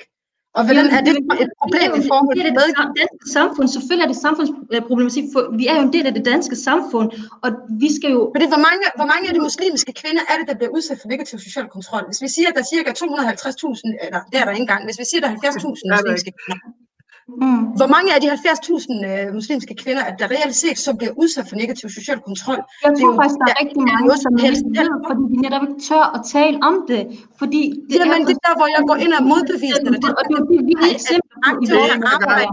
i dag, i damer, en af gangen. Men det er fordi, du bliver ved med at gentage dig selv, uden at tage de nye informationer og oplysninger med ind, for det, det du beskriver, er et relativt nyt fænomen for, for, for jeres forening, fordi I ikke har eksisteret er i selv. absolut ikke, fordi negativ social kontrol har eksisteret rigtig længe. Vi prøver bare at tale om det forening, og hvordan I mere arbejder med det. Hvis du bryder ud af social kontrol, hvis du siger nej til at gøre tingene efter den norm, der er i den kultur, så kan det, behøver det ikke at være problematisk. Du kan stadig have relation til din familie, du kan stadig kalde dig muslim og somal. Det er det, vi prøver at fokusere på. Vi prøver at give kvinderne stemmer til at fortælle nogle gode historier. Fordi indtil nu har vi tit hørt, at jamen, så stiller man efter familien, så har man ikke relation til sin familie. Så det, op, det har været ofte Men offerrollen. igen, det er det, jeg ikke kan genkende, fordi jeg tror, jeg har snakket i hvert fald mellem 200 og 400 kvinder inden for de seneste 14 år. Og især de, altså den generation, jeg er fra, øh, også der er i vores 30'er, ikke også tidligere 30'er, slut 30'er, undskyld, slut 20'er, tidligere 30'er, men øh, man kan så godt være ærlig, også der er i slut 20'er, tidligere 30'er, ikke også, altså os, der har, der, der, der har hæft hele, hele vores socialiseringsproces i Danmark, hvor vi har gået i børnehaver, danske børnehavepladser osv. osv. Når jeg snakker med de kvinder, uagtet om de så er i Fredericia, eller om de er i Odense, eller om de er i Aalborg, eller om de er i København, det de har til fælles, uagtet deres etnicitet, det de har til fælles, som de oplever som det største problem, det er ikke negativ social kontrol. Det er deres adgang til beskæftigelse. Det er deres adgang til arbejdsmarkedet, som fuldstændig og aldeles bliver lukket for dem, på grund af den stigmatisering, på grund af de forforståelser og fordomme, der er omkring sådan en kvinde som mig, når jeg kommer ind med tørklæde, hvor jeg automatisk bliver spurgt af min kollega, dag ind og dag ud, har du selv valgt det? Nej, Grete, det har jeg ikke. Min mor har tvunget det øh, omkring hovedet på mig, før jeg på arbejde. Hvad tror du selv? Men det er fordi, der konstant og evigt bliver genfortalt de her narrativer om, at, at de her undertrykte muslimske kvinder, som ikke kan klare sig, med mindre at andre hvide mænd eller andre frigjorte muslimske kvinder kan komme ind og hjælpe dem. Der er nogle majoritet af os, som bare er ganske tilfredse, ganske lykkelige, inden for de rammer, som vi nu end har sat for os selv, ganske tilfredse med at, at, at efterleve de uh, islamiske reglementer, ganske tilfredse med at efterleve vores kulturelle øh, rammer og hvad hedder de uh, sociale uh, spilleregler, men samtidig godt kan formå at være velintegrerede borgere i dagens Danmark. Men vi får ikke lov til det. Jeg tror, det blander mange ting, fordi jeg være. er fuldstændig enig med dig. Jeg kunne jo aldrig finde på at sige, bare fordi du har tørklæde på og er muslim eller religiøs, at du kan være en del af det danske samfund. Jeg tror, du blander mange forskellige ting, fordi vores forening har aldrig stået for det.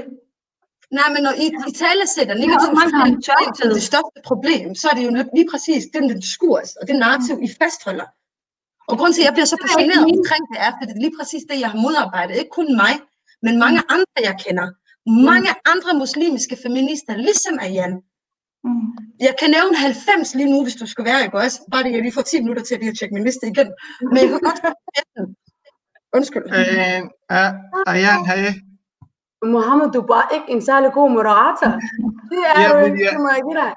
Jeg lader, ta- jeg lader kvinderne tale ud i dag. Jeg siger ikke så Ja, det er helt fint. Det er nogle gode pointer, og helt sikkert, Ja. altså, jeg, ja.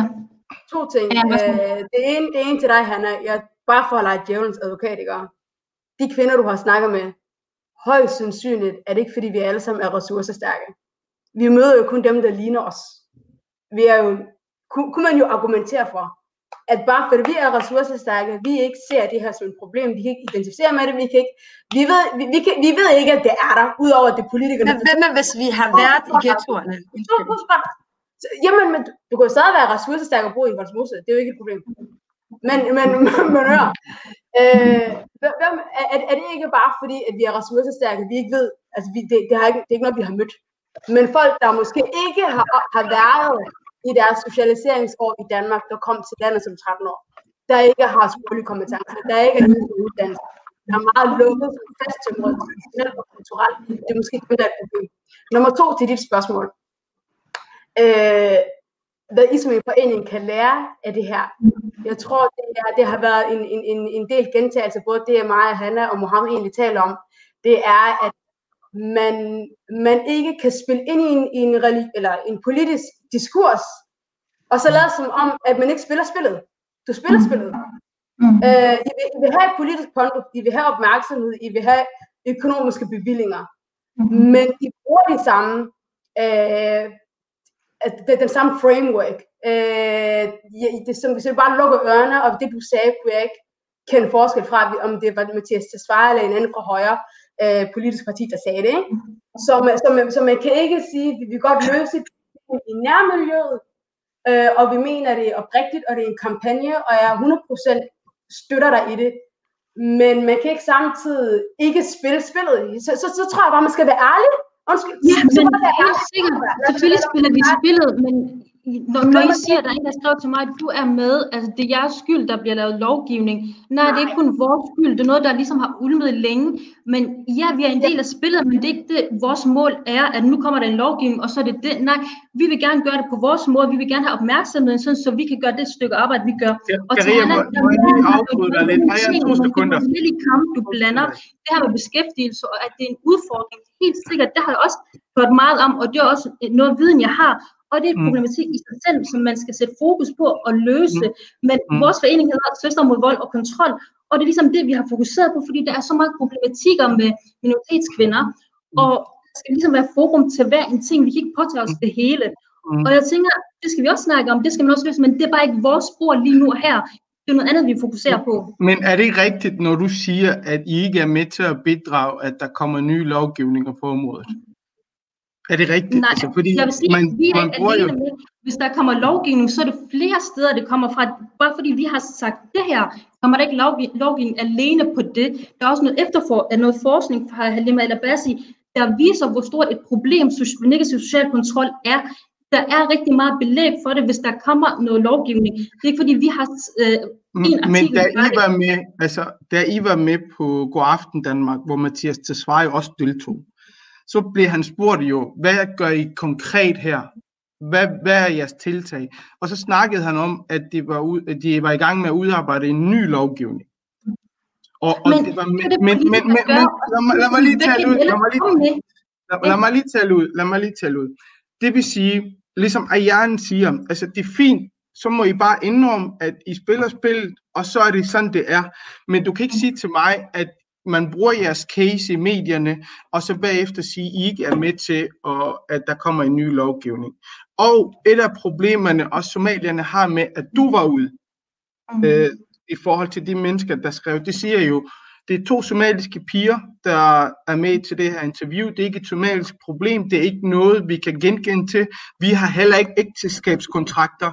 Øh, Det ligger ikke i vores kultur, at en mand, der har været gift med en kvinde og har børn, at hun skal aflevere medgift efterfølgende, når det bliver skilt. Det er ikke. Hvorfor er det hende, der går ud og snakker om det her? Og det, i bund og grund, det er det, folk har problemer med. Vi anerkender, at Og, der og, er... og der kan jeg blive ved med at gentage mig selv. Det er tilfældigt, det er somalier, og jeg, vil- jeg, vil, jeg vil gøre det samme igen, hvis det handler om et andet problematik, fordi jeg vil ikke holde mig tilbage, fordi at der er nogen, der bliver sur, fordi jeg tilfældigvis er somalier. Vi er en forening, vi kæmper for mange forskellige kvinder, og jeg bliver ved med at komme ud og blive ved med at sige, hvor kommer du fra? Jamen, jeg er somalier, men jeg siger det gentagende gang, jeg repræsenterer ikke det somaliske Okay. folk. Sidste spørgsmål i forhold til det her emne, ikke? Hvorfor har der ikke været arabiske kvinder, som mener selv, de har oplevet det her? Hvorfor har det ikke været ude? Hvorfor er det dig og din søster, der var ude? Det har hun jo Jamen- svaret på to gange, Mohammed. Som jeg sagde, vi vil gerne have djævelens advokat der, slap lige lidt af, ikke også? Nej, øhm, jeg vil gerne svare på det her.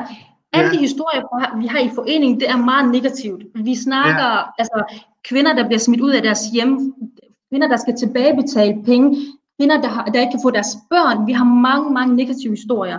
Og Mm. vores fokus var, at vi vil gerne have noget positivt. Jamen, at sige nej til høj medgift og stadig funge, altså man har et godt ægteskab, man har selv valgt det som kvinde, man har en fin relation til familien.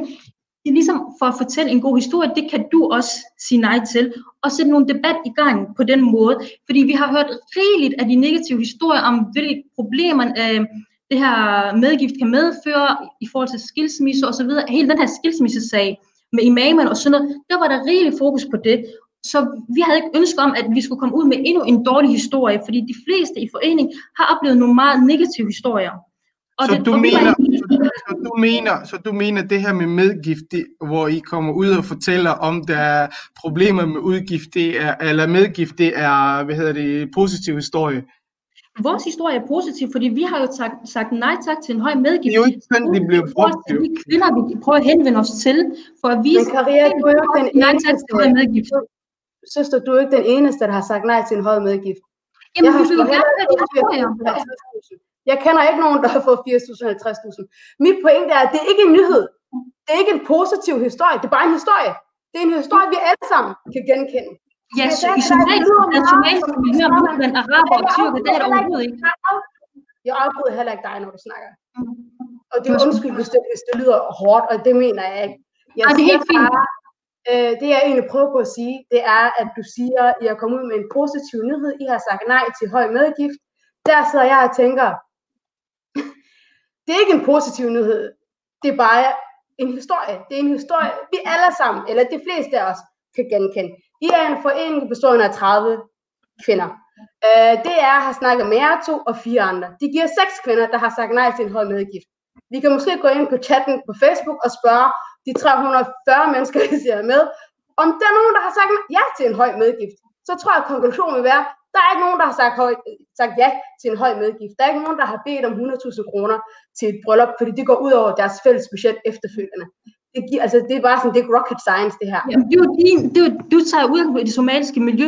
Vi har jo så mange historier fra det arabiske miljø. Vi havde en mand på, der fortæller, hvordan han har givet 80.000 kroner. Så du kan ikke sidde der og sige, jamen hvis vi spørger i tråden, jeg læser også tråden, og jeg var så overrasket over, at alle var bare sådan, ah, det er jo ikke et problem, det her, og man kan jo bare sige, nej, hvis det var så nemt, hvorfor er der så, så mange kvinder, der sidder i det her problem, hvor de skal tilbagebetale penge?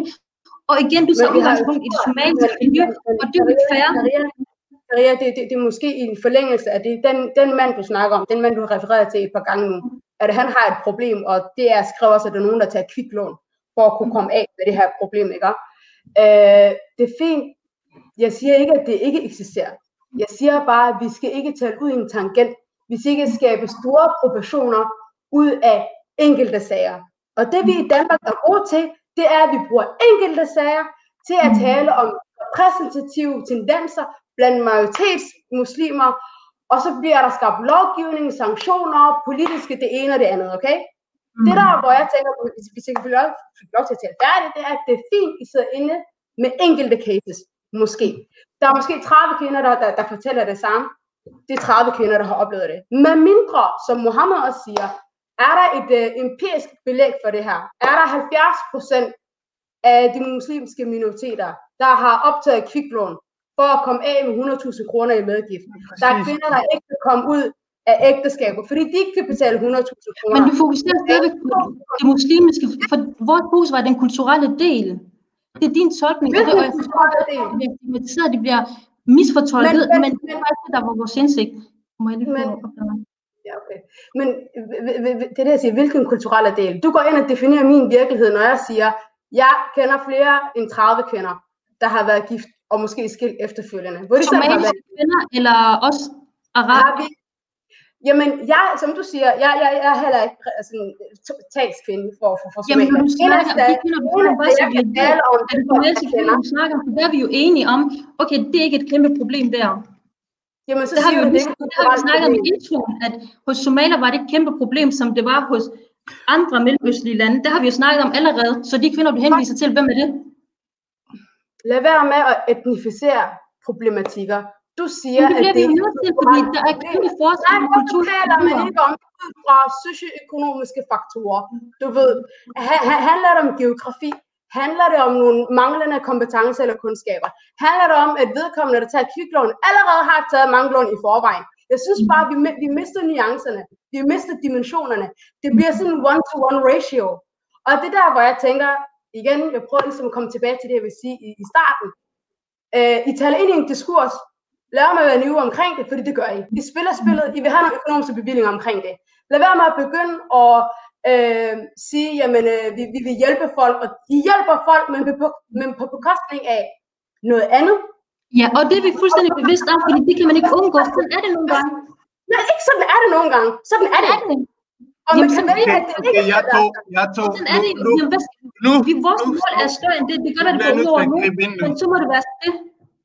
Time out, jeg tog så. Øh, Hanna, vi giver dig ord, og så går vi videre til spørgsmålene fra publikum. Yes. Øhm, det er jeg bliver rigtig nysgerrig på. Øhm, Og først, Hanna, inden du snakker, inden du snakker, øh, det lyder som om, eller det ser ud som om, vi er tre mod en, så vi skal lige give hende Øh, lidt nej, luft. men jeg komme med det. Ja, så, så, så det er ikke Jamen, fordi, det vi, vi vil gerne altså, jeg forstå, tror, at det bliver øh, på den her måde. Og jeg vil gerne, det er også derfor, jeg sagde ja til dig for at uddybe men også for at stå fast, hvad foreningen arbejder for. Og ja, det går ud over nogle grupper, men Ja. desværre, sådan må det blive. men, men, men det er meget tydeligt, at man er uenig med øh, jeres påstand, så hvis det bliver for meget, så sig det. Så Nej, nej, det er fint, så er det. men, men det er fint, at du kan... Og jeg vil så- også sige, at hvis I har brug for at uddybe noget mere, så kan I jo til- også tale med foreningens forkvinde ja. og medstifter, fordi de har også meget mere Mm. styr på Mm. fakta og så videre. Jeg blev bedt om min historie, jeg har delt den, fordi jeg har set, at det er et problem hos mine med- medsøstre i foreningen, og det var nok til, at jeg vil gerne være en del af den her kamp. Ja. og tak for, for, for, for jer, Karina. I skal, jeg, jeg håber så sandelig ikke, at du forstår, hvad jeg siger som et, øh, en. Nej, overhovedet ikke. Nej, Jeg, jeg jeg, synes stiller, det jeg, jeg stiller mig undrende for det, fordi det, det, altså det jeres forening gør, øh, og det standpunkt, I tager, det er et vigtigt standpunkt. Ikke? Mm. Og jeg tænker, at det, jeg, jeg i hvert fald gerne vil invitere ind til, det er en åben dialog, men det- en åben dialog, den går begge veje, lige så meget som jeg skal stille mig nysgerrig over for de problematikker, som du beskriver, som jeg ikke kan genkende. Lige så meget skal du stille dig nysgerrig over for de konklusioner, som jeg beskriver, som du ikke kan genkende, ikke? også? Men det der er i forhold til vold, nemlig, hvis vi tænker på vold, det er det, du beskriver med, at der er nogle kvinder, der bliver bibeholdt i et, øh, i et ægteskab på baggrund af en mand, der træffer en aktiv øh, handling, hvorved han tænker, at han vil tilegne sig et privilegie, hvor han kan bestemme over et andet menneske, her især en kvinde. Det er hans problem som en mand. Det er ikke hans etniske problem som en mand. Det er ikke hans religiøse problem som en mand. Det er hans problem som en mand. Fordi det er den beslutning, han har truffet, uanset hvad hans religion har lært ham, eller hvad han har lært med hjemmefra i mor og far. Fordi hvis man begynder at forstå vold i et etnisk øh, øh, hvad hedder det, perspektiv, som om det, øh, at det problemet kun eksisterer inden for etniske ophav, så er det der, hvor vi bevæger os ud i en total gråpla- øh, gråzone. Ikke? For det er det, du beskriver med, at der er visse øh, muslimske kvinder, øh, fra visse, vi behøver ikke engang at tale om etnisk ophav. Lad os bare tale om, at der er visse proble- øh, muslimske kvinder, der oplever kæmpe store problemer og udfordringer ved øh, ophævelsen af deres ægteskab. Men han trækker det lange drag, han siger til den, han siger til den, den guldring, jeg gav dig for 16 år tilbage, den skal du tage tilbage og sådan noget. Men hvad er forskellen på de handlinger, som han gør, og hvorfor er de farligere end den handling, som Peter gør, hvor han også drager øh, skilsmissen ud i lange baner, hvor en boopdeling kan være ved i 10 plus år. Jeg har selv været øh, øh, rådgiver for en kvinde, hvor, hvor ved at hendes skilsmisse og boopdeling, den skete 12 år efter, hun forlod ham. Mm. Men han drag det i lange stykker. Til sidst hun Ja. opgav det hele Hun gav efter for hver eneste krav, han sagde. Og det var ikke noget med religion, eller om det var Mohammed eller Aisha. Så det, du beskriver, det er vold. Og vold er ikke noget, der kun eksisterer i etniske minoritetsmiljøer. Og det er der, hvor, jeg, hvor ved jeg vil i hvert fald opfordre jer som en forening til at begynde at nuancere, Mm. hvad hedder det, jeres kampagner, og virkelig være 100% klar i forhold til, hvad er det for nogle udmeldinger? Hvad er det for en dagsorden, I har? Og hvad er det for et budskab, I kommer igennem med? For det er det budskab, I er kommet igennem med, og det er derfor, der er reaktioner på det. Det er, du går, I går direkte ind og taler imod min virkelighed. Mm. Min virkelighed. Fordi jeg er ikke ja. en af de her kvinder, som Mathias Tafai her mener, at der skal reddes. Fordi jeg har ikke fået Mm. talerør, som I har fået. Vi har lavet alle mulige ting, alle mulige skrivelser, hvor ved vi har prøvet på at invitere øh, hvad hedder det, øh, stat og regering ind på diverse samarbejde. Men man vil ikke høre på, at det går godt blandt muslimske kvinder. Fordi det giver billigere politiske point, når man siger, hør her, lille Aisha skal reddes fra Mohammed. Mm. Den, den er jeg med på, det forstår jeg godt, din pointe, hvor det kommer fra helt sikkert. Og der har vi også noget arbejde, vi skal gøre bedre. Mm. Ja, vi har rigtig mange spørgsmål fra det folk, der ser med. Øh, vi kan lige starte med Mona, der spørger om, øh, vil du tilbage til medierne og trække dine ord tilbage, eller øh, hvad hedder det, forklare, hvad du mener i forhold til Jeg har det. faktisk er allerede forklaret på P4 Fyn, hvor jeg synes, jeg gjorde rigtig... Altså, jeg kom ud med det, jeg havde på hjertet, fordi der blev afbrudt. Og der har jeg punkteret, at det var ikke islamisk problem, og det var ikke noget, der eksisterede i alle muslimske miljøer. Og mere har jeg ikke at sige til det, fordi jeg har allerede sagt det. Mm, okay, godt. Lad os lige, øh, der er så en, der spørger, er det kvinderne, I vil have, der skal høre jer, eller er det medierne?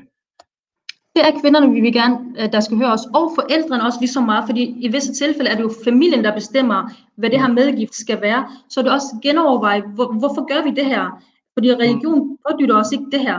Det kan være Mm. problematisk for din øh, datter senere hen, det er problematisk for manden, så det er også lige så meget for, den, for forældrene, som man kan indgå i dialog.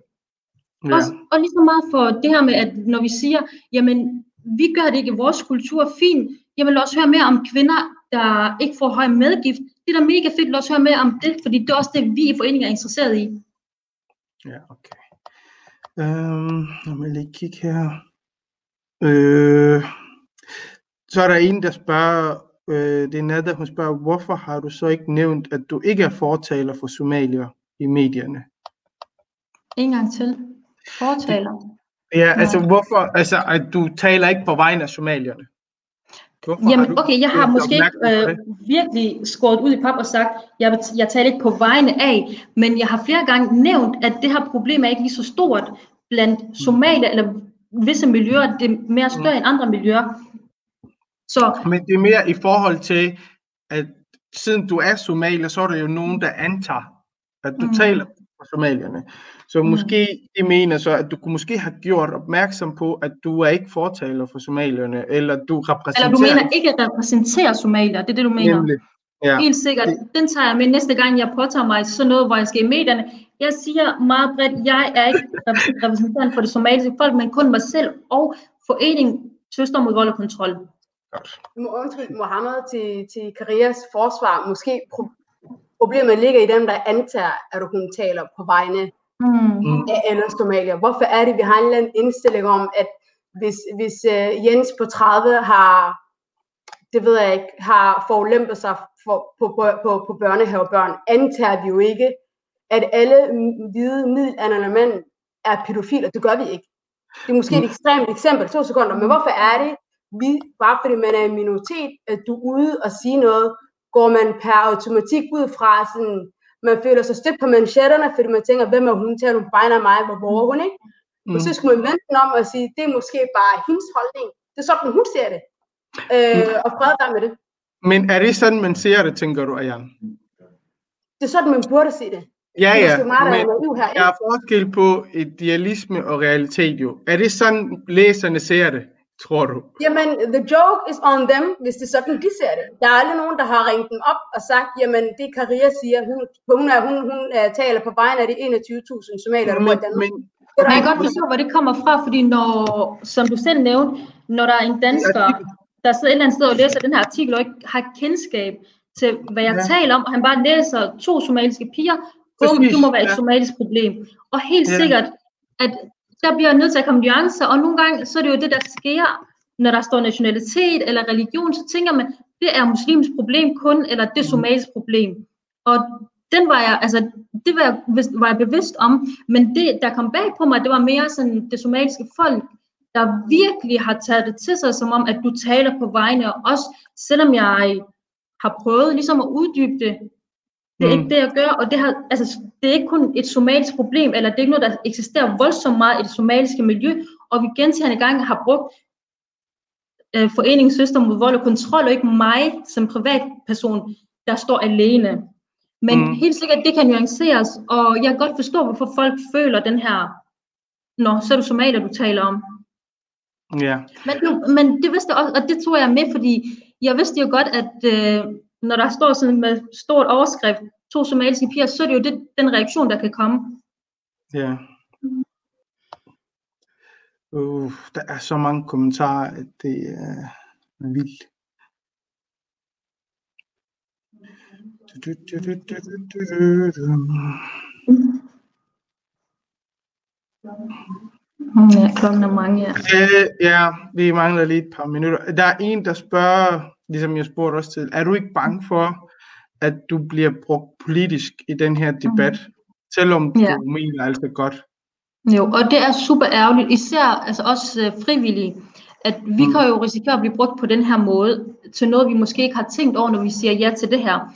Men når det så er sagt, så er det jo den konsekvens, man må tage, fordi for hver gang man øh, gør en handling, man gør noget, så kommer der jo en kon- konsekvens ud af det, og det er jo ligesom det, der er blevet til. Men helt Mm. sikkert, at øh, Jeg synes, det lyder som en meget stor ansvarsfraskydelse at sige, at sådan er, eller hvad var det, du sagde, at, at så var det bare sådan, det blev til. ja, fordi det er jo Nej, det konsekvens, jeg må tage på mig, at det er det, det blevet til. Ja, det er igen Fordi en det er jo- øh, Jeg har jo ansvarsfraskydelse. tænkt, at min personlige historie, som jeg delte ud til DR, skulle blive brugt. Han vidste ikke engang, har- hvad hedder det, journalisten vidste ikke engang, hvor stort det ville blive, og pludselig blev det kæmpe stort. Okay, det vidste jeg ikke, det blev det til.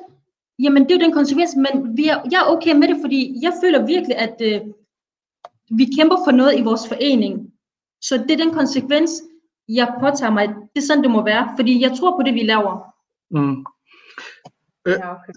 Må jeg, må jeg sige noget Jo. ganske kort? Jo.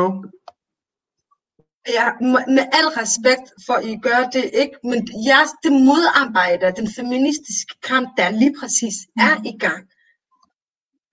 Altså, det, den dagsorden, I håber på, at I kan være med til at skabe, det er lige præcis den dagsorden, I aktivt går ind og modarbejder. Fordi i det, at du står frem med din personlige historie, som går hen og bliver til en generel fortælling, når I ikke har noget konkret, ud over jeres 30 medlemmer, I ligesom kan gå op og holde det op omkring. Vi ved simpelthen ikke, om det er over øh, 0,9 procent af muslimske kvinder i øh, Danmark, der har oplevet det. Det er så infaktuelt, og det er nemlig rigtig, rigtig farligt. Min ret til at, at, at, at have min medgæst skal ikke fratages fra mig. Blot fordi, at måske, måske er det måske et problem. Det bliver meget, meget diffust beskrevet, men det har så kæmpe konsekvenser. Det har direkte konsekvenser for, for, for mig, for mine søstre, for Ayan og hendes søstre, for uh, Mohammed, hans kone, hans søstre, og Gud ved hvem ellers. Det, det, altså, det, det spreder sig i ring. Og jo, der er bestanden mm, øh, øh, kvinder af etnisk minoritetsbaggrund, øh, baggrund, arabiske kvinder, somaliske kvinder, pakistanske kvinder, der bliver udsat for massiv og dehumaniserende og totalt krænkende vold. Men det er der også danske kvinder, der er. Det er der også tyske kvinder, der er. Vold mod kvinder er ikke Vi arbejder med den gruppe, vi nu gør, og det er dem, vi snakker om, og Kvinder er ikke nationalt. Men vold mod kvinder er ikke et nationalt problem. Det er ikke et problem, der er øh, rammesat af etniske eller religiøse eller seksuelle forhold. Det er et universalt problem, hvorved der er en, der aktivt vælger at begå en, hand, en voldelig handling. Det er ikke noget, der aldrig nogensinde kan forklares ud fra et kulturelt perspektiv.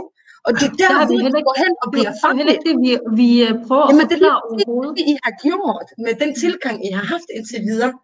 Det kan godt være, at det er det, jeres intention ikke er, og det er det, I ikke prøver på at gøre. Men du bliver ikke mødt med negative sociale responser på baggrund af, at vi somalier ikke vil have, at der bliver talt omkring vores kultur, eller fordi vi reagerer negativt på fortællinger om, omkring os selv. Der kommer en er jeg respons, ikke enig med dig i, men okay. der bliver... Jamen, det, kan, altså, det, det er min oplevelse, og jeg har trods alt været sådan aktiv. det er din oplevelse, og, og det er fuldstændig Kan du, modsat, jeg oplever. kan du uddybe, hvorfor Men du er bare enig? lige, bare lige konklusivt, bare lige konklusivt, ikke? Ja. Øh, men det, du, men det, det, der bliver reageret kraftigt på, det er de fortællinger, som nogen ikke kan genkende. Det er, når du bruger et sprog, så, som at somaliske kvinder har et problem med, at de øh, skal betale medgiften tilbage. Det er der ikke nogen, der kan Det er genkende. der på ingen tidspunkt er sagt eller skrevet Jamen, nogen det har, du hverken, det har du ikke ved eller afkræftet, men du har sagt, at du som somalier og og opfordrer andre somaliske kvinder til at frasige sig medgiften. Det, det Ja, er, det, at høre. Jeg vil ikke gentage det, jeg sagde igen og igen. Jeg har sagt, jeg har ikke sagt, øh, at man skal sige nej til medgiften. Det har jeg ikke sagt. Og jeg har gentagende gang forklaret, at det her problem ikke er så stort i det somaliske miljø. Så det, du kommer og siger nu, det er faktisk det er slet ikke det, jeg har sagt. Så- Det er noget, du, jeg ved ikke, hvor du har det fra. Okay, øhm, lad mig forklare dig det på en anden måde. Jeg er 100% sikker på, at det var det. jeg har det mener forstået du det ikke. virkelig godt. I behøver ikke forklare mere. Er der noget andet, som I ikke har sagt, som I kan sige? Der, der er ikke grund til at blive irriteret. Der er ikke grund til, Og vi har haft en god hun dialog. være med her, så det er også lige så meget for hende, at jamen, jeg håber, hun kan få noget ud af det her i Ja, fremtiden. men, men, men vi har haft en god dialog, så lad os fortsætte med det. Øh, vi behøver ikke at være irriteret på hinanden. Øh, der er en, der spørger her, hvordan kan man tale om udfordringerne i de etniske miljøer, samtidig med, at man sikrer nuancerne? Det er jo så der, at man kan indgå i dialog, ligesom det her. Eller når jeg får taletid på P4, så prøver jeg også at nuancere det. Der har jeg lidt mere mulighed for at snakke, uden at jeg bliver afbrudt hele tiden. Mm. Og vi kan blive ved også på sociale medier, kan vi blive ved med at skrive om det og snakke om det. Vi inviterer også til dialog i Søster Mm. mod vold og kontrol.